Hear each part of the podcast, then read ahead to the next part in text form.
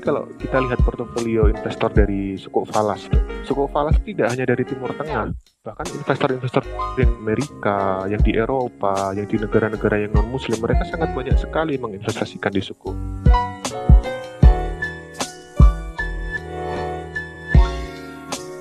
Assalamualaikum warahmatullahi wabarakatuh.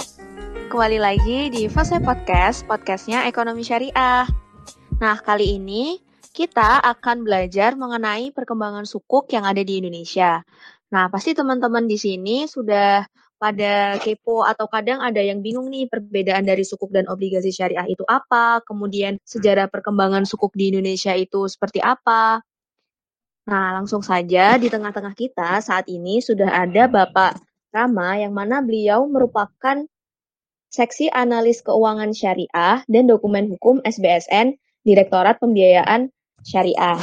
Langsung saja ya kita bisa sapa dulu Bapak Rama. Assalamualaikum Bapak. Waalaikumsalam warahmatullahi wabarakatuh. Selamat pagi ya Mbak. Selamat pagi ya sekarang masih pagi.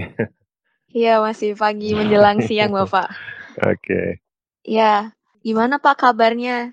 Alhamdulillah baik. Untuk Mbak sendiri gimana kabarnya? Ya, alhamdulillah Bapak baik. Semoga meskipun di tengah pandemi ini ya semua yang ada di sini terus juga sobat Eksyar yang mungkin nanti akan mendengarkan juga selalu dilindungi Allah Subhanahu wa taala. Amin ya rabbal alamin. Oh ya Bapak, untuk episode hmm. kali ini kita akan belajar mengenai perkembangan sukuk yang ada di Indonesia nih Bapak. Jadi kan seperti kita tahu kalau sukuk ini sendiri di Indonesia itu untuk pertama kali diterbitkan itu tahun 2008 ya Pak. Betul, ya. Ya, nah di sini tuh juga biasanya masih masih banyak yang bingung antara bedanya sukuk itu sendiri seperti apa, terus juga obligasi syariah itu seperti apa itu masih banyak yang belum dari kira-kira apa sih bedanya. Hmm.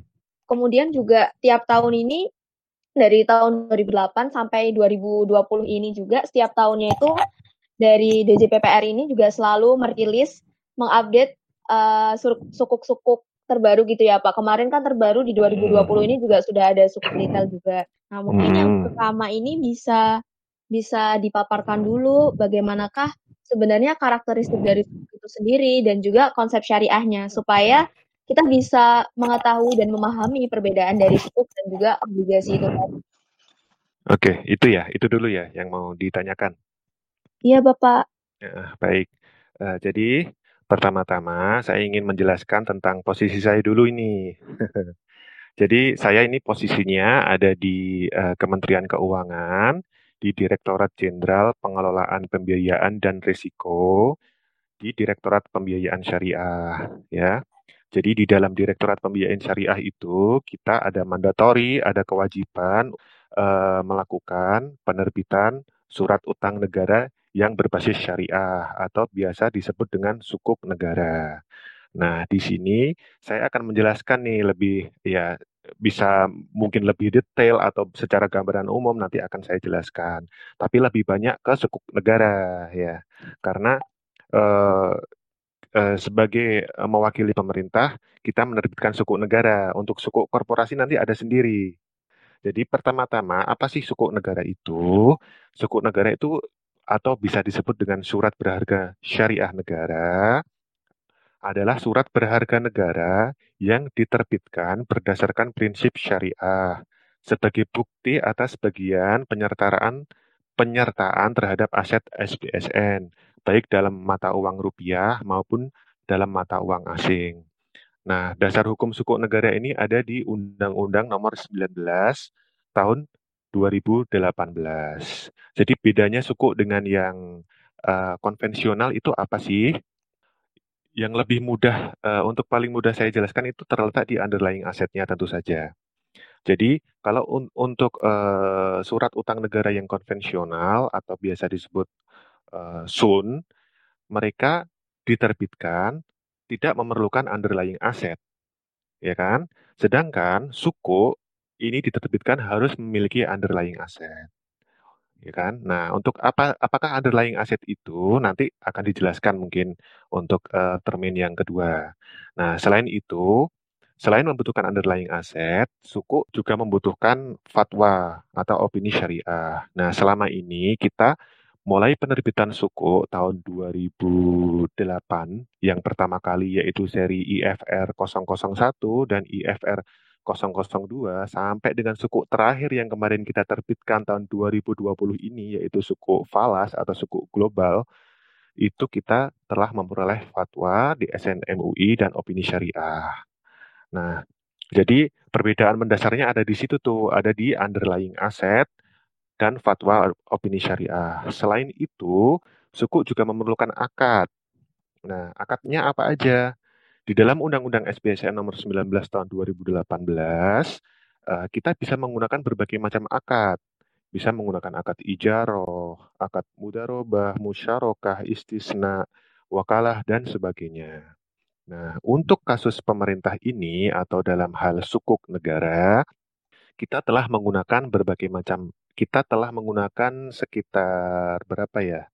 Dua akad, akad ijaroh, ijaroh sell and leaseback, ijaroh aset to be lease, ijaroh al kadamat dan akad wakalah. Nah, untuk uh, untuk apa itu akad ini? Akad ini nanti bisa dijelaskan kalau ada pertanyaan atau di termin selanjutnya. Mungkin itu dulu pengertian suku secara umum ya. Untuk pengertian suku secara umum seperti itu dulu. Iya Bapak, tadi kan hmm. kalau seperti yang Bapak highlight, yang hmm. membedakan hmm. antara sukuk dengan obligasi atau surat utang yang secara konvensional ini terletak pada underlying asset. Nah, kira-kira sebenarnya underlying asset ini tuh apa sih sebenarnya underlying asset itu apa saja? Kemudian bisa yang sudah yang biasanya digunakan khususnya di JBPR keuangan ini dalam penerbitan sukuk itu underlying asetnya itu berupa apa saja bisa dijelaskan lagi Bapak mungkin? Iya, saya jelaskan ya. Jadi uh, kita di dalam Undang-Undang Nomor 19 Tahun 2018 itu adalah uh, dasar kita, legal kita untuk menerbitkan suku. Di undang-undang tersebut dinyatakan bahwa suku negara diterbitkan untuk membiayai defisit APBN dan untuk membiayai proyek. Jadi bedanya dengan surat utang negara itu dulu. Itu. Jadi jika surat utang negara hanya untuk membiayai defisit APBN, sedangkan suku digunakan untuk defisit APBN dan pembiayaan proyek. Nah, di sini suku itu memiliki underlying aset ada dua jenis. Yang pertama adalah barang milik negara, yang kedua adalah proyek. Proyek ini adalah proyek proyek milik pemerintah tentunya proyek yang uh, nantinya setelah selesai akan menjadi milik negara. Nah, tergantung nih akadnya apa. Jadi saya jelaskan nih. Jadi di dalam suku yang pertama ada akad ijaroh. Akad ijaroh itu adalah akad sewa menyewa, ya kan? Jadi akad contohnya saya uh, saya kasih contoh akad ijaroh sell and leaseback. Artinya uh, ijaroh menjual dan menyewa kembali. Nah, di dalam akad itu kita menggunakan underlying asetnya adalah 100% barang milik negara. Seperti apa sih skemanya barang milik negara dijadikan underlying aset untuk menerbitkan sukuk? Nah, paling mudah saya jelaskan adalah katakanlah uh, gedung kementerian dijadikan underlying aset untuk penerbitan sukuk seri misalkan SR 002 gitu kan. Nah, gedung Kementerian Keuangan ini dijadikan landasan untuk menerbitkan uh, eh, SPSN. Nah, pemerintah melalui SPV atau perusahaan penerbit SPSN menjual, dalam hal ini adalah menjual hak manfaat kepada investor. Setelah investor membeli suku tersebut, dia memiliki beneficial title atau hak manfaat atas aset gedung Kementerian Keuangan tersebut. Di saat yang bersamaan, pemerintah leaseback menyewa kembali Nah, sell and leaseback, menjual dan menyewa kembali. Jadi pemerintah menjual gedung, uh, menjual ke pemilik, menjual hak manfaat ya. Perlu digarisbawahi di sini bukan menjual fisiknya gedung, tapi tetapi menjual hak manfaat atas gedung Kementerian Keuangan tersebut. Jadi tidak ada perubahan kepemilikan atau pindah tangan aset dari negara ke investor. Jadi tidak ada seperti itu. Jadi hanya menjual hak manfaat. Nah, setelah investor membeli surat utang, membeli suku tersebut, dia memperoleh hak manfaat. Dan di saat yang bersamaan, pemerintah akan menyewa kembali hak manfaat yang uh, menjadi milik investor tersebut. Nah, Sewanya itu berupa apa? Berupa ujroh, yaitu berupa imbalan atau imbal hasil, ya berupa kupon yang telah ditetapkan di awal. Katakanlah kupon SR tadi sebesar sekian persen, sebesar 7 persen. Nah, berarti itu 7 persen itu adalah uh, nilai nilai sewa, nilai sewa pemerintah menyewa hak manfaat dari gedung tersebut. Nah, jadi bukan semata-mata bunga. Bedanya kalau surat utang yang konvensional, mereka hanya menerbitkan uh, katakanlah hanya satu lembar kertas dengan kupon sekian. Tidak ada underlying aset apa pun, tidak ada akad-akad apa pun. Pokoknya aku kasih bunga segini sesuai harga pasar. Seperti itu. Nah, sukuk pun juga pemberian kupon dan imbalannya atau biasa disebut dengan ujrohnya juga berdasarkan harga pasar. Tetapi semata-mata persentase pemberian ujroh tersebut adalah untuk uh, membayar sewa. Jadi ada underlyingnya. Jadi itu itulah kenapa suku disebut uh, suku disebut sebagai instrumen syariah karena tidak ada mengenal istilah bunga, ya kan? Nah, itu barang milik negara. Yang kedua, kita juga telah menerbitkan suku seri PBS atau biasa disebut project based suku. Jadi project based suku ini adalah suku digunakan untuk membiayai proyek-proyek pemerintah. Nah, di PBS ini kita menggunakan akad ijaroh aset to bilis. Nah, maksudnya apa ijaroh aset to bilis? Aset to bilis kan bahasa Indonesia uh, aset untuk disewa oleh uh, pemerintah, ya kan? Nah, bedanya dengan sell and leaseback tadi apa? Untuk ijarah aset to bilis yang ada di uh, seri PBS ini, project based suku ini, pemerintah menggunakan underlying aset ada dua macam. Yang pertama adalah uh, BMN atau existing project, yaitu proyek yang telah ada sekarang. Yang kedua adalah future project, yaitu proyek-proyek yang yang akan selesai di masa depan atau biasa disebut ya future project tadi yaitu proyek yang sedang berjalan. Jadi uh, di PBS Asset to be list tadi underlyingnya ada dua jenis yaitu BMN dan proyek. Nah, BMN tadi adalah proyek yang sudah selesai ya maksudnya ya proyek yang sudah selesai tadi yang existing project tadi itu bisa di, disebut sebagai BMN. Nah yang future project tadi adalah proyek yang sedang berjalan yang sedang dilakukan sekarang. Nah, itu menjadi underlying aset untuk suku ijarah aset to bilis. Nah, persentasenya berapa tuh antara BMN dengan proyek? Nah, tergantung nih, misalkan kita sukunya bersifat tradable katakanlah, bersifat yang dapat diperdagangkan, ya, bisa dijual oleh investor di pasar sekunder. Nah, kita lebih banyak porsi untuk BMN-nya, 51% minimal. Dan untuk yang proyek uh, yang sedang berjalan 49 persen seperti itu. Nah, kenapa porsinya seperti itu?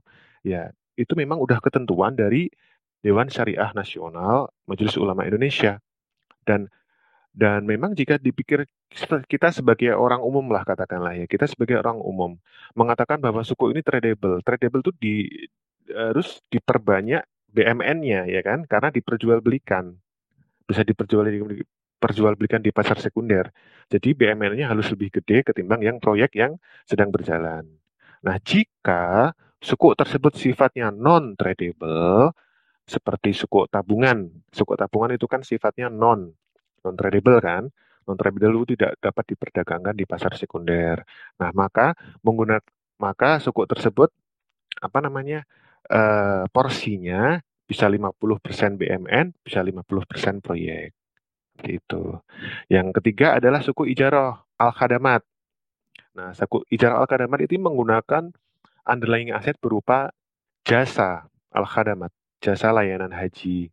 Nah, yang sering kita dengar adalah SDHI. Mungkin uh, pendengar di podcast ini juga pernah mendengar istilah SDHI, Suku Dana Haji Indonesia, yang dulu dikelola oleh Kementerian Agama, ya kan? Nah, sekarang uh, ke BPKH kalau nggak salah ya, ke BPKH ya. Jadi uh, eh, SDHI ini menggunakan underlying aset berupa jasa layanan haji melalui catering, jasa transportasi, jasa apa namanya ya perkemahan di sana dan sebagainya. Yang terakhir yang kemarin kita apa namanya yang kemarin kita terbitkan adalah suku wakalah. Suku wakalah itu kita terbitkan uh, dengan porsi lebih banyak. Oh tergantung tergantung sing tradable dan non tradable sama aja seperti tadi. Cuman wakalah ini gabungan yaitu ijaroh ijaroh dengan suku wakalah itu sendiri. Jadi suku wakalah ini kita ada studi kasusnya ada di ST006 yang formatnya green. Mungkin nanti bisa kita jelaskan apa itu green. Nah, jadi suku wakalah ini merupakan suku gabungan antara uh, suku yang menggunakan akad ijaroh dengan akad wakalah. Seperti itu. Dan satu lagi perlu saya tambahkan bahwa barang milik negara pemerintah ini bisa berupa tanah dan bangunan ya kan? Jadi tidak terbatas tidak terbatas uh, hanya untuk uh, tanah saja atau bangunan saja, tetapi barang milik negara ini bisa tanah dan bangunan, selain tanah dan bangunan, barang berwujud ataupun barang tidak berwujud, ya kan? Dan proyek tadi bisa berupa proyek yang uh, sedang dikerjakan atau proyek yang telah dikerjakan, yang telah uh, menjadi aset negara, seperti itu. Iya Bapak, uh, cukup bisa dipahami sih kalau misalkan hmm. berkaitan dengan underlying aset tadi Bapak. Nah, hmm. tadi kan ada sudah sudah Bapak jelaskan mengenai berkenaan dengan jenis-jenis sukuk dan lain sebagainya ya Pak. Hmm. Nah, kalau misalkan dari sukuk yang sudah pernah dirilis oleh DJPPR ini dari tahun 2008 sampai sekarang tahun 2020 ini kira-kira itu trennya sukuk yang paling diminati oleh masyarakat itu yang mana nih Pak kira-kira? Sukuk yang paling diminati ya. Kalau menjawab pertanyaan ini, kita saya harus melihat nih. Jadi yang diminati oleh institusi atau investor retail, investor individu. Nah, ya kan? yang paling mudah pertama nih yang diminati oleh masyarakat uh, individu untuk masyarakat yang retail kan. Kita punya dua jenis suku retail, yaitu seri SR dan seri ST. SR itu adalah suku retail dan ST itu adalah suku tabungan. Perbedaannya apa? Sebenarnya mereka berdua itu adalah sama. Perbedaannya hanya satu, yaitu tentang tradability-nya. Untuk yang SR adalah serinya tradable, bisa diperdagangkan. Kalau yang ST tidak bisa diperdagangkan. Dan SR ini adalah lebih dulu terbit daripada ST. SR udah terbit sejak 2009, SR 001. Nah, untuk SR dan ST ini, manakah yang lebih uh, gede porsinya yang paling menjadi minat masyarakat. Nah, tentu saja jika kita lihat dari nilai volumenya, lebih gede SR, karena SR lebih duluan terbit. Sedangkan ST baru 2016 kalau nggak salah ya, ST 001 itu 2016. Ya mungkin mungkin saya nanti cek lagi. Jadi ST 001 itu 2016. Nah, untuk penerbitan SR dan ST selama ini nominal penerbitannya lebih besar suku retail. Kenapa seperti itu? Karena untuk SR diterbitkan lebih dulu, yang pertama. Yang kedua, SR diterbitkan tidak dengan cara online. Ini untuk yang SR yang sebelum-sebelumnya, yang bukan yang SR terbaru ya.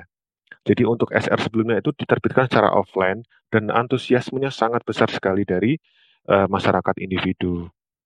Itu kalau uh, misalkan kita uh, mengadakan pengadaan agen penjual, mitra distribusi mitra distribusi kita, bank-bank kita, agen penjual kita, itu pasti selalu minta tambahan order. Jadi sebelumnya mitra distribusi kita kan atau agen penjual kita kan punya target sendiri. Di tengah-tengah penjualan di masa masa penawaran itu di pasar perdana, mereka uh, selalu minta untuk nambah, nambah, dan nambah. Itu untuk SR. Karena dulu sifatnya offline masih seperti itu. Nah, untuk ST, untuk ST ini diterbitkan sebagian besar menggunakan uh, formatnya online. Nah, untuk format online ini ada plus minusnya. Apakah plus minusnya itu?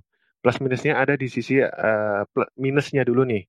Minusnya dulu ada di sisi uh, mungkin untuk kemudahan investor yang yang generasi-generasi yang udah tua ya, generasi X kali ya, generasi X dan di atasnya itu mungkin agak kurang suka dengan sistem online dengan ST ini karena mereka yang biasanya difasilitasi, yang biasanya uh, dikerjakan oleh oleh banknya. Mereka sekarang harus mengerjakan sendiri, meskipun itu hanya melalui handphone, meskipun itu hanya melalui uh, laptop, hanya melalui internet. Dan itu cukup cukup membuat awal-awal penerbitan ST kita nggak terlalu banyak seperti SR. Tetapi ST sendiri keunggulannya bisa bisa menggait investor-investor muda. Dalam hal ini, setiap penerbitan suku tabungan yang menggunakan sistem online, uh, investor milenial kita pasti memegang jumlah terbanyak dari sisi investor. Selalu lebih dari 50%. Nah, seperti itu. Nah, jika saya simpulkan, manakah yang lebih uh, paling diminati masyarakat? Untuk yang suku retail ya, SR atau ST. Untuk nominalnya lebih besar SR, jelas. Tapi yang paling diminati masyarakat adalah dua-duanya, suku retail. Suku retail, SBN retail kalau bisa kita lihat, surat berharga negara retail, suku retail dan suku tabungan. Karena mereka memiliki plus minus sendiri. Namun, ST yang terakhir kita terbitkan kemarin, ST006 kemarin, meskipun uh, jumlahnya tidak sebesar SR, namun antusiasme masyarakat juga tinggi, Mbak, seperti itu. Jadi uh, SR dan ST dua-duanya memiliki karakter yang sama. Perbedaannya hanya di uh, hanya di tradability-nya aja. Dan sekarang SR juga menggunakan sistem online juga. Jadi tidak ada perbedaan mendasar. Nah, ini menjadi landasan kita menerbitkan suku retail online karena sekarang kan semuanya berbasis online kan. Untuk ke depan suku retail juga akan menggunakan sistem online juga. Jadi uh, suku retail dan suku tabungan ini merupakan dua jenis instrumen SPN retail yang paling diminati masyarakat. Sedangkan yang kedua adalah adanya seri PBS. Seri PBS ini juga memegang porsi paling besar di portofolio kita di outstanding surat berharga syariah negara. Kenapa? Karena seri PBS ini selalu kita terbitkan setiap dua minggu sekali pada saat lelang. Jadi kita setiap minggu ada lelang. Setiap minggu ada lelang gantian antara lelang SBSN dan lelang SUN yang surat utang negara. Nah, di setiap lelang tersebut, seri PBS selalu menjadi seri yang dilelang. Sama dengan yang SPNS, surat perbendaharaan SPNS yang hanya tenornya satu tahun atau enam bulan. Nah, jadi seri PBS ini portofolionya paling gede, outstandingnya paling gede di di antara outstanding SPSN. Nah, jadi ini juga merupakan bisa disebut suku yang paling diminati juga. Karena namun diminati oleh institusi. Jadi investor retail tidak membeli, tetapi oleh institusi adalah seri PBS. Seperti itu. Jadi ada dua jawaban ya. Ada yang karena ada sifatnya retail, ada sifatnya yang institusi. Jadi seperti itu dulu, Mbak. Iya, baik Bapak. Jadi intinya kalau misalkan kita berbicara tentang jenis-jenis sukuk yang paling diminati itu sendiri, kita bisa melihat kira-kira nanti dari institusi ataukah dari individu gitu ya Pak? Iya, Karena masing-masing punya preferensinya sendiri. Iya. iya. Oke, untuk pertanyaan selanjutnya ini, uh, ini lebih kepada sebenarnya apa yang membedakan dari cash wakaf link sukuk dan green sukuk itu Bapak? Karena biasanya kalau misalkan mahasiswa ada hmm. yang suka terbalik gitu Pak antara sukuk link wakaf, terus bedanya sama wakaf link sukuk itu apa gitu. Hmm. Nah, kan tadi Ini, Bapak oh ya. Tadi kan Bapak sempat menyinggung terkait green sukuk sendiri. Nah, mungkin bisa dijelaskan juga Bapak di sesi kali ini. Oke. Pertama tentang cash wakaf dulu ya, Mbak ya. Saya terkejut nih terus terang. Teman-teman udah banyak yang tahu tentang cash wakaf link suku atau biasa kita kenal singkatannya CWLS, ya kan? Karena ini baru banget ini instrumen yang baru kita terbitkan tahun ini bulan Maret atau April ya kemarin. Bulan Maret kalau nggak salah ya CWLS ini kita terbitkan dan memperoleh nominal sebesar 50 miliar. Tidak banyak sih, tapi merupakan sebuah langkah yang bagus bagi pemerintah untuk mengembangkan inovasi-inovasi atau pengembangan suku ke depan ya kan? Jadi CWLS ini merupakan uh, suku yang berbasis investasi sosial, Mbak, tujuannya. Nah, jadi perbedaannya apa dengan Green Sukuk? Jadi cash walk of link suku ini kita membutuhkan uh, mekanismenya kita membutuhkan LKSPWU atau Lembaga Keuangan Syariah Pengelola Wakaf Uang. Nah, dari sini wakif dalam hal orang yang ingin mewakafkan uangnya, mewakafkan uang kepada LKSPWU, kepada agen penjual atau mitra distribusi mewakafkan uangnya. Nah, pada saat uh, uangnya uangnya sudah ditransfer ke LKSPWU atau mitra distribusi itu, mereka akan membuat ikrar wakaf, membuat ikrar wakaf ke uh, ke investor atau ke wakif. Nah, wakif tadi merupakan istilahnya memperoleh surat kuasa dari nazir. Nazir itu semacam ya kayak BWI, kayak rumah wakaf dan sebagainya seperti itu. Itu adalah nazir. Jadi nazir memperoleh eh jadi wa, wakif memperoleh kuasa dari nazir untuk mewakafkan uangnya melalui LKS BWU atau melalui agen penjual suku wakaf. Nah, agen penjual suku wakaf ini akan mendistribusikan uang yang diinvestasikan ke rekening pemerintah dan dicatat sebagai suku wakaf dan digunakan sebagai suku wakaf, ya kan? Untuk penerbitan suku wakaf. Nah, uang yang masuk di pemerintah tersebut nantinya akan digunakan oleh pemerintah untuk uh, istilahnya akan digunakan oleh pemerintah untuk membiayai APBN tetap masuk di RKUN rekening kas umum negara. Nah, namun besaran suku wakaf yang masuk tadi uh, akan memperoleh diskon atau diskonto. Jadi uh, katakanlah inf, uh, pemerintah mendapatkan uang sebesar 100 miliar dari suku wakaf. Nah, pemerintah tidak akan memperoleh full 100 miliar, tetapi diskonto. Diskonto itu maksudnya diskon ya, jadi berkurang nilainya. Katakanlah sebesar 10, 80 miliar dapatnya pemerintah, tapi tercatatnya 100 miliar. Nah, yang 20 miliar tadi ke mana yang diskonto tadi?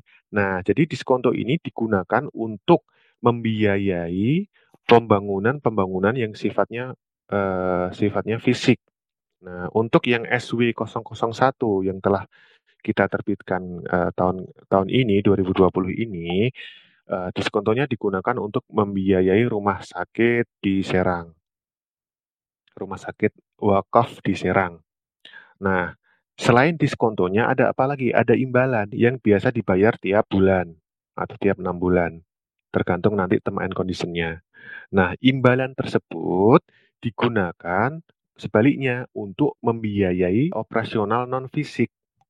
Ya kan? Jadi ada dua nih, ada diskonto, ada imbalan atau kupon. Jadi imbalan tersebut digunakan untuk membiayai fisik, yang diskonto digunakan untuk membiayai fisik dan imbalan digunakan untuk membiayai program non fisik. Program non fisik itu seperti apa? Seperti uh, kemarin untuk studi kasus SW001 ini digunakan untuk operasi katarak di rumah sakit mata seperti itu. Itu perbedaan mendasarnya ya. Perbedaan mendasarnya CBLS itu digunakan untuk investasi sosial yang sifatnya sosial. Jadi investor nggak memperoleh imbalan. Jadi investor memang dia pure 100% mewakafkan uangnya imbalannya akan ditransfer ke Nazir yang mengelola dana tersebut untuk kegiatan-kegiatan sosial, baik untuk renovasi rumah sakit wakaf maupun untuk uh, apa namanya untuk uh, opera, dana operasional untuk imbalannya, membayar dokter, melakukan jasa operasi katarak kayak tadi dan sebagainya. Nah, itu CWLS. Yang kedua adalah Green Sukuk. Bedanya apa? Tentu saja green suku ini sebenarnya nggak ada bedanya dengan penerbitan suku yang reguler. Prosesnya, mekanismenya sama semua. Investornya juga akan memperoleh imbalan bulanan seperti seperti yang tadi, seperti apa? Seperti yang seri-seri sebelumnya. Beda dengan CWLS kan investornya nggak memperoleh imbalan. Dia memperoleh imbalan tapi imbalannya diserahkan ke Nazir untuk investasi sosial. Sedangkan yang green suku sama dengan suku yang reguler. Nah, bedanya apa green suku ini? Risiko ini tentu saja sebelum kita menerbitkan, kita harus memiliki landasan yang namanya Green Bond atau Green Suku Framework. Sebelum kita menerbitkan Green Suku, kita telah menyusun kerangka Green Bond atau Green Suku Framework. Tentunya penyusunan ini kita juga berdasarkan pada GBP atau Green Bond Principle. Kita dibantu oleh uh, banyak pihak untuk menyusun uh, Green Sukuk Framework ini. Salah satunya dari JLM dan UNDP. JLM yang sudah sudah istilahnya sudah berpengalaman untuk menerbitkan sukuk green yaitu HSBC, UNDP dan UNDP. Nah, di dalam Green Bond Sukuk Framework ini terdapat empat kriteria atau empat pilar yang harus dipenuhi oleh pemerintah dalam penerbitan Green Sukuk. Yang pertama adalah use of proceed, yaitu penggunaan uh, proceed penerbitan suku green ini harus 100% digunakan untuk membiayai proyek-proyek hijau, proyek-proyek pemerintah yang hijau. Apa itu proyek pemerintah yang hijau? Ya proyek-proyek pemerintah yang bisa digunakan untuk uh, istilahnya untuk membiayai aspek lingkungan, baik mitigasi, adaptasi maupun biodiversity. Yang kedua, kriteria kedua, use of proceed. Yang kedua, yang pertama tadi kan use of proceed 100% digunakan untuk membiayai proyek hijau. Yang kedua adalah uh, project selection dan project evaluation. Nah, untuk memilih project ini, pemerintah punya mekanisme sendiri, namanya budget taking. Nah, budget taking ini sebenarnya udah udah dilakukan oleh pemerintah sebelum Green Suku ini terbit. Kalau nggak salah tahun 2014 ke 14 atau 15 gitu ya. Tahun 2015 kalau nggak salah itu uh, budget taking udah udah dilakukan oleh pemerintah. Jadi Bappenas sama kita sama dengan Kemenkeu dalam hal ini adalah BKF Badan Kebijakan Fiskal telah melaksanakan budget tagging untuk mentek mentek ini masuk proyek kategori hijau, ini masuk proyek kategori yang non green, ini masuk proyek yang kategori hijau yang adaptasi, ini masuk proyek kategori hijau yang mitigasi, ini masuk proyek kategori hijau yang biodiversity dan sebagainya. Nah, kita ada proyek ada ada proses budget tagging seperti itu ya kan?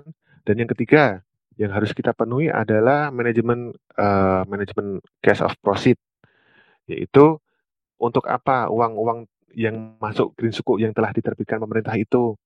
Nah, jadi pemerintah akan mentransfer dana tersebut ke RKUN atau rekening kas umum negara yang akan digunakan untuk membiayai berbagai macam yang digunakan membiayai APBN, membiayai defisit APBN. Salah satunya untuk membiayai pemenuhan proyek-proyek yang sifatnya hijau. Dan yang terakhir adalah reporting, pelaporan. Nah, ini uh, laporan ini merupakan istilahnya uh, apa ya? merupakan effort kita bagi pemerintah. Jadi pemerintah menerbitkan green suku ini effortnya butuh ekstra ya. Karena untuk penerbitan yang reguler, kita tidak diwajibkan untuk membuat laporan. Kita tidak diwajibkan untuk membuat green bond framework kita tidak diwajibkan untuk meng-hire istilahnya meng-hire second party untuk mereview Green Bond Framework. Kita tidak diwajibkan untuk meng-hire uh, assurance atau auditor untuk mengaudit laporan Green Suku kita.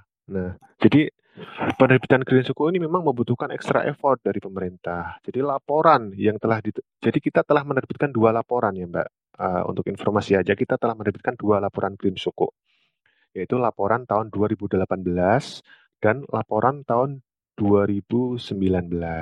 Nah, tentu saja untuk pembuatan laporan ini kita juga telah mendapatkan assurance. Assurance itu semacam kayak kayak audit lah. Kita telah diaudit oleh lembaga internasional. Yang mengaudit kita lembaga internasional. Yang pertama diaudit oleh KPMG, yang kedua diaudit oleh PwC atau PwC ya. Jadi uh, pembuatan laporan ini cukup membuat uh, effort pemerintah itu lebih gitu untuk menerbitkan. Padahal yang diperoleh sebenarnya sama aja kan, sama aja yang diperoleh dari segi pricing, dari segi uh, apa namanya uh, uang kas yang masuk, sebenarnya sama aja. Bedanya apa sih? Kita dapat benefitnya apa dari penerbitan green suku ini? Jadi dari penerbitan green suku ini kita bisa tapping investor, yaitu investor green tentu saja. Nah, awal-awal kita sebelum menerbitkan green suku, kita hanya memen, kita hanya mungkin lebih fokus kepada investor yang syariah atau investor yang ada di Asia. Nah, dengan adanya green ini, kita bisa masuk ke pasar Eropa. Karena apa? Eropa itu adalah negara yang paling concern sekali terhadap green, terhadap masalah lingkungan. Jadi, untuk uh, suku atau surat berharga syariah negara ini, pasar di Eropa sebelumnya itu sangat sedikit sekali, sangat kecil sekali, ya kan? Nah, kita kalah dengan yang konvensional. Yang konvensional kemarin itu mereka udah pernah menerbitkan uh, istilahnya Eurobond. Nah, mereka punya pasar sendiri di Eropa. Sedangkan SBSN atau suku negara kita belum punya pasar sendiri di Eropa. Makanya kita mau tapping investor di Eropa dengan menerbitkan green suku. Jadi kita tidak hanya memperoleh investor investor syariah, tetapi kita juga memperoleh investor yang green. Nah, jadi kita memiliki tapping investor. Yang kedua terkait kredibilitas atau reputasi. Nah, jadi sebagai informasi bahwa suku uh, format green tahun 2018 yang diterbitkan oleh pemerintah kemarin adalah suku pertama kali di dunia, green suku pertama kali di dunia yang diterbitkan oleh pemerintah. Itu kan luar biasa sekali kan capaian kita. Belum lagi itu green suku retail tahun 2019 bulan November kemarin itu. Itu juga pertama kali di dunia green suku format retail tidak hanya format green aja, tidak hanya format retail aja, tetapi juga menggunakan online platform, menggunakan sistem elektronik dalam penjualannya. Jadi kita sebagai selalu sebagai pioneer, selalu sebagai istilahnya pembuka awal, sebagai selalu negara pertama yang ini, negara pertama yang ini. Itu adalah capaian yang luar biasa yang kita peroleh, yang kita raih untuk saat ini. Nah, untuk ke depannya kita akan terus untuk mengembangkan nih format-format green ini tidak hanya format green mungkin kita akan berinovasi tidak hanya CWLS tidak hanya green tapi juga mungkin ada blue suku mungkin ada formosa suku dan sebagainya nah seperti itu Ya, alhamdulillah Pak. Saya jadi semakin tambah paham nih terkait bedanya CWLS dengan Green Sukuk tadi. Awalnya hmm. mikirnya Green Sukuk itu ya uh, masalah sukuk hijau itu yang pertama kali terpikir oh mungkin untuk pembiayaan hutan dan lain sebagainya itu hmm. banyak diskusi dengan teman-teman hmm. pahamnya seperti itu jadi dengan adanya ini terbuka sekali hmm. oh iya mau saya tambahkan lagi bisa mbak jadi green suku itu kan terakhir kita terbitkan 2020 kemarin bulan hmm. Juli ya kan itu juga kita uh, ada sesuatu yang bisa kita jual dari situ Nah, Green Sukuk 2020 kemarin kan tenornya lima tahun. Itu memperoleh yield yang terendah untuk tenor lima tahun. Padahal itu diterbitkan di tengah-tengah pandemi, di tengah-tengah uh, eh, COVID-19 seperti ini. Kita memperoleh yield yang murah, kita memperoleh imbal hasil, kita memperoleh istilahnya uh, apa namanya kupon untuk investor yang kecil sebesar 2,3 persen untuk tenor lima tahun. Itu sangat sangat kecil sekali. Itu menandakan apa? Menandakan bahwa Indonesia masih memiliki kepercayaan yang tinggi dari investor. Indonesia trust investor kepada Indonesia untuk berinvestasi di kita itu masih sangat tinggi. Makanya kita bisa memperoleh yield yang rendah sekali. Nah, itu juga harus kita banggakan ya. Selain itu, uh, penerbitan Green Suku uh, global kemarin juga oversubscribe hingga tujuh kali. Bayangkan. Jadi kita yang terima uh, jadi kemarin sebesar 750 juta US dollar. Itu masih ada lagi. Totalnya bisa 7 7 miliar. Eh 7 juta dolar eh 7 miliar ya 7 miliar. Kita hanya terima 750 juta. Itu bayangkan bayangkan order bu yang masuk sebesar 7 juta yang kita terima hanya sebesar 750 ribu. Nah, seperti itu. Makanya ini sebuah pencapaian yang luar biasa dari pemerintah kita, dari pemerintah Republik Indonesia bahwa bahwa kepercayaan investor ini masih sangat tinggi kepada Indonesia. Nah, itu juga bisa kita buktikan melalui uh, rating rating surat rating utang negara kita yang masih masih investment grade meskipun mereka meskipun kemarin sempat diturunkan satu satu layer ya. Triple triple B minus sekarang kalau nggak salah. Tetapi itu masih batas investment grade Bayangkan untuk negara berkembang yang belum kita belum negara maju nih, kita masih negara berkembang, tetapi kita masih memperoleh investment grade di tengah kondisi ketidakpastian seperti ini, di tengah kondisi COVID-19 seperti ini yang membutuhkan ekstra luar biasa bagi pemerintah untuk untuk istilahnya untuk mempertahankan untuk mempertahankan APBN-nya, untuk mempertahankan sustainability-nya. untuk mempertahankan keberlangsungan hidup negara ini, ya kan? Nah, itu investor masih memiliki kepercayaan yang tinggi untuk Indonesia. Seperti itu sih, Mbak. Ya, baik Bapak. Jadi intinya uh, sukuk-sukuk yang diterbitkan ini di tengah masa pandemi ini ternyata masih banyak dan diminati oleh masyarakat ya Pak? Iya, betul. Nah ini Pak, untuk pertanyaan terakhir nih Pak. Tadi kan Bapak uh, Parama ini merupakan seksi analisis keuangan syariah nih Pak. Nah, kira-kira uh, semisal nanti dari teman-teman Jose yang sudah bergerak, maksudnya kita sudah sudah rata-rata sudah belajar tentang ekonomi Islam dan lain sebagainya. Nah, kira-kira kira-kira karir karir untuk berada di posisi seperti itu tuh kita perlu mempersiapkan apa saja nih Pak, baik soft skillnya, kemudian juga kompetensi apa yang dibutuhkan untuk bisa masuk di uh, di JPPR khususnya berkaitan dengan sukuk ini tadi Pak. Oh, oke. Okay. Jadi yang pertama, misalkan ini masuk ke DJPPR ya Mbak ya ini ya. Ya, untuk masuk ke DJPPR ya. Yang ya, pertama Pak. tentu tentu saja pengetahuan tentang uh, Islamic finance. Ya kan? Apa itu? Ya bisa saja pengetahuan tentang struktur akad, pengetahuan tentang pengembangan peng, istilahnya eh, apa ya aku nyebutnya sih akad sih benar-benar struktur akad karena kita ke depan masih terbuka lebar untuk mengembangkan struktur akad yang ada sekarang ini. Jadi akad yang kita punya sekarang ini kan masih atas uh, sebatas ijaroh, sebatas akad wakalah yang saya jelasin singkat tadi kan. Nah, untuk ke depannya kita pasti akan adanya pengembangan struktur akad. Kenapa? Karena kita juga memiliki keterbatasan underlying aset. Nah, jadi pengembangan struktur akad ini sangat penting sekali untuk dilakukan. Nah, siapa yang paham pengembangan struktur akad ini? Ya tentu saja dari teman-teman di sini yang memang uh, bergerak di bidang uh, Islamic finance, di bidang ekonomi Islam yang mereka paham tentang akad-akad uh, obligasi khususnya obligasi syariah. Nah, ini sangat penting sekali bagi kami untuk membantu pengembangan struktur akad, pengembangan inovasi-inovasi suku ke depan itu seperti apa.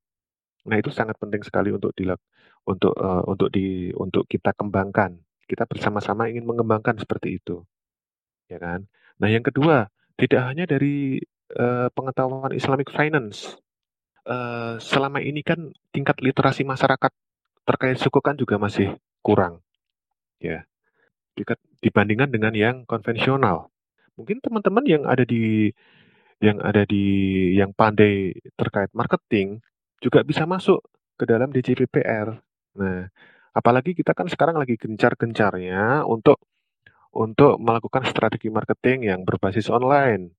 Misalkan kayak seperti ini nih, melalui podcast, melalui YouTube, webinar, dan sebagainya. Nah, jadi tidak hanya dari pengetahuan Islamic Finance, tapi juga dari sisi marketing juga mereka harus tahu. Jadi teman-teman yang ada di bahkan di jurusan HI pun hubungan internasional, mereka juga bisa masuk ke DJPPR gitu. Karena kita juga memiliki istilahnya uh, apa namanya punya stakeholder yang harus kita jaga.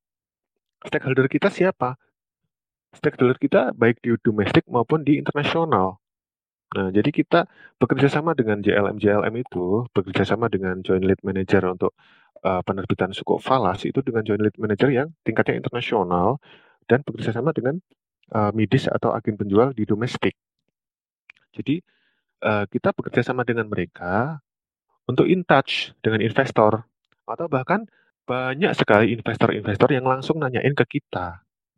Jika mereka ingin ya sekedar tahu kapan sih suku retail diterbitkan, kapan sih suku ini diterbitkan, atau mereka ada masalah terkait pembayaran imbalan, kok pembayaran imbalan saya belum masuk nih dari bank A, dari bank B belum masuk. Nah, itu juga sangat penting untuk menjaga kepercayaan uh, atau menjaga hubungan dengan investor, dengan stakeholder. Tidak hanya investor ya dalam hal ini, baik investor maupun dengan uh, agen penjual kita. Selain itu, bahkan mahasiswa-mahasiswa yang mungkin lulusan dari hukum, mereka juga dapat masuk nih, terutama ke tempat saya. Terus terang saya ini bukan sarjana hukum, Mbak ya. Jadi saya ditempatkan di uh, bagian analisis keuangan syariah dan dokumen hukum SPSN. Nah, dokumen hukum SPSN ini sangat butuh sekali orang-orang uh, yang paham tentang uh, legal drafting. Jadi kita sampai saat ini ya memang kita memang sudah uh, sudah bekerja sama dengan uh, J, dengan apa KH konsultan hukum baik yang domestik untuk penerbitan domestik dan untuk penerbitan falas kita bekerja sama dengan konsultan hukum yang internasional. Nah, namun kita kan tidak hanya bergantung pada konsultan hukum saja. Kita harus bisa mengerti sendiri nih konsep dokumen hukum legal draftingnya seperti ini benar atau enggak. Untuk setiap struktur suku yang diterbitkan, pastinya akan dibutuhkan dokumen hukum yang berbeda-beda. Katakanlah untuk penerbitan suku dengan struktur akad ijaroh dan penerbitan suku dengan struktur akad wakalah. Pastinya dokumen hukumnya kan berbeda tuh Mbak. Dan penerbitan suku dengan metode lelang dan pen atau penerbitan suku dengan metode private placement. Pastinya kan dokumen hukumnya berbeda-beda. Belum lagi nanti kalau pas uh, sukunya udah jatuh tempo, terus ada early redemption di suku tabungan dan sebagainya. Itu pastinya juga membutuhkan dokumen hukum yang berbeda-beda. Jadi sebenarnya tidak menutup kemungkinan untuk uh, eh, DJPPR ini tidak hanya untuk uh, teman-teman yang ada di uh, Islamic Finance aja, tapi juga ada di uh, marketing, di hubungan internasional, di dokumen di hukum, dan di keuangan makro tentu saja, di statistik, sebenarnya semuanya masih terbuka lebar. Jadi tidak hanya tidak terbatas untuk uh, tidak terbatas untuk sarjana-sarjana ekonomi Islam. Tetapi untuk saat ini, mana yang paling dibutuhkan? Pertanyaannya kan seperti itu. Pertanyaannya tentu saja yang paling dibutuhkan di tempat kami adalah yang di bagian Islamic Finance yang mengerti tentang ekonomi Islam. Ya, terima kasih Bapak atas jawabannya. Hmm. Jadi ternyata memang peluang karir di bidang ini tuh tidak terbatas luas. pada iya sangat-sangat luas karena memang butuh kolaborasi dari berbagai berbagai jurusan ya Bapak. Betul, ya. Jadi jadi nggak jangan hanya menutup pada satu jurusan misalkan ekonomi Islam aja, tetapi juga kita di dalam organisasi ini kita butuh banyak lulusan kok. Banyak lulusan nggak hanya ekonomi Islam aja yang seperti aku sebutin tadi dari hukum, dari statistik, dari ekonomi pembangunan, bahkan dari hubungan internasional. Kita juga sangat butuh uh, jasa-jasanya mereka untuk masuk di tim kami. Seperti itu, Mbak. Alhamdulillah, tadi paparan Bapak yang kira-kira ini sudah hampir satu jam, itu sangat-sangat membuka sekali wawasan wawasan kita semua ya tentunya berkaitan dengan bagaimana perkembangan suku, terus kemudian juga uh, karakteristik kata karakteristik serta perkembangan bagaimanakah suku di Indonesia ini selalu berkembang juga, kemudian juga masih bisa bertahan di tengah kondisi COVID-19 ini ternyata investornya juga masih banyak sekali.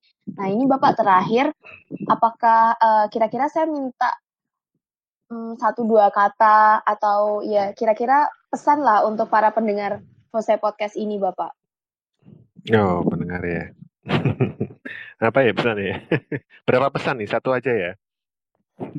Uh, mungkin bisa kalau misalkan untuk tadi kan ada sasarannya hmm. yang untuk memang milenial, jadi bisa ditujukan hmm pendengar Fose yang memang sering mendengarkan oh, ini, okay. kemudian juga supaya mereka mungkin bisa, ayo dong invest nih ada suku. Gitu. Hmm. Oke, ya jadi uh, saya hanya memiliki pesan kepada teman-teman yang terutama masih muda-muda nih. Coba mulai dari sekarang untuk bisa istilahnya apa ya? Bukan lagi harus mulai investasi, harus tahu tentang investasi yang ada di negara kita itu apa aja jadi kita kan ada istilahnya, ada orang yang sifatnya konservatif, yang hanya tahu tentang tabungan saja. Tetapi sekarang ini zamannya teknologi kan. Informasi itu tidak terbatas. Orang tuh mudah sekali untuk mengakses informasi. Nah, ada baiknya untuk teman-teman yang masih muda-muda ini terutama untuk bisa mulai melek investasi dari sekarang. Karena apa? Karena jika kita mulai melek investasi dari sekarang, kita nanti akan menikmatinya di masa kita sudah berumur. Saya belum, saya nggak bilang di masa kita tua ya. Jadi kita di masa kita berumur, berumur itu bisa bisa disebut dengan masa-masa yang milenialnya hampir habis gitu. Kita udah bisa menikmati kalau kita dari sekarang udah udah udah bisa melek investasi, ya kan? Jadi teman-teman di sini harus mulai sadar untuk berinvestasi. Nah, sekarang setelah mereka setelah kalian sadar akan berinvestasi, sadar akan uh, akan akan investasi mereka, teman-teman harus paham juga apa sih yang bisa kalian investasikan? Investasi apa sih yang ingin kalian uh, dapatkan? Nah, untuk ini saya ingin tentu saja saya merekomendasikan uh, surat utang negara yang berbasis syariah ini, yang suku ini. Karena apa? Karena memang ini adalah suku investasi yang sangat aman sekali, yang 100% dijamin oleh pemerintah imbalannya. Dijamin oleh pemerintah, dijamin oleh dua undang-undang bahkan, yaitu Undang-Undang SBSN itu sendiri dan Undang-Undang APBN. Jadi sangat aman sekali. Ya kan? Jadi untuk teman-teman yang masih ragu untuk berinvestasi, masih takut untuk berinvestasi, sekarang ada pemerintah udah memfasilitasi investasi yang nyaman, investasi yang aman, investasi yang menenangkan, mententramkan. Karena ini sesuai dengan prinsip syariah. Jadi pesan saya ini tidak hanya untuk teman-teman yang mungkin beragama muslim ya, tapi non muslim pun juga banyak. Investor-investor suku kita tidak hanya yang yang muslim aja, tapi non muslim pun juga banyak. Apalagi kalau kita lihat portofolio investor dari suku Falas tuh. Suku Falas tidak hanya dari Timur Tengah. Bahkan investor-investor yang Amerika, yang di Eropa, yang di negara-negara yang non-muslim, mereka sangat banyak sekali menginvestasikan di suku. Makanya kita sebagai WNI atau warga negara Indonesia yang yang mayoritas muslim, jangan mau kalah. Ya, jangan mau kalah dengan investor-investor luar negeri itu yang mau masuk di suku kita, yang di suku global kita. Nah, kita kan ke depan rencana mau mengada mau menerbitkan suku retail nih. Suku retail kok 013 SR13. Nah, di sini saya mengharapkan sekali teman-teman untuk bisa mulai sejak dini untuk berinvestasi. Jangan takut untuk berinvestasi di uh, obligasi negara, nggak hanya di suku maupun di uh, konvensional. Terserah mau milih yang mana, yang pasti uh, surat utang negara atau suku negara merupakan uh, istilahnya instrumen investasi yang sangat aman. Jadi mulai dari sekarang, monggo silahkan berinvestasi di negara karena kalian tidak hanya memperoleh imbalan, tetapi juga membantu pemerintah untuk membiayai pembangunan, berperan langsung dalam uh, pembangunan infrastruktur pemerintah melalui uh, pembelian suku ini. Ya, alhamdulillah Bapak. Terima kasih atas pesan-pesannya supaya ini teman-teman pendengar setia Fose Podcast bisa nanti ke depannya ketika dari DJPPR ini menerbitkan suku terbaru, harapannya semoga kita bisa ikut dalam berkontribusi untuk membeli sukuknya. Amin. Ya, saya harap seperti itu juga. ya baik Bapak. Hmm, Karena ini tidak terasa ya sudah kita sudah di penghujung acara. Nah, uh, terima kasih kepada Bapak Rama yang telah menyediakan waktunya untuk berbagi informasi mengenai perkembangan suku yang ada di Indonesia ini. Nah, terima kasih Bapak atas kesediaan waktunya serta ilmunya. Ya, terima kasih kembali Mbak. Sama-sama udah diberi kesempatan. Alhamdulillah, kita sudah berada di akhir sesi. Nah, itu tadi pemaparan dari Bapak Rama Putra, yang mana beliau merupakan seksi analisis keuangan syariah dan dokumen hukum SBSN DJPPR ya teman-teman. Nah, kira-kira itu tadi gambaran mengenai perkembangan sukuk yang ada di Indonesia. Dan sampai jumpa di Fose Podcast selanjutnya. Wassalamualaikum warahmatullahi wabarakatuh.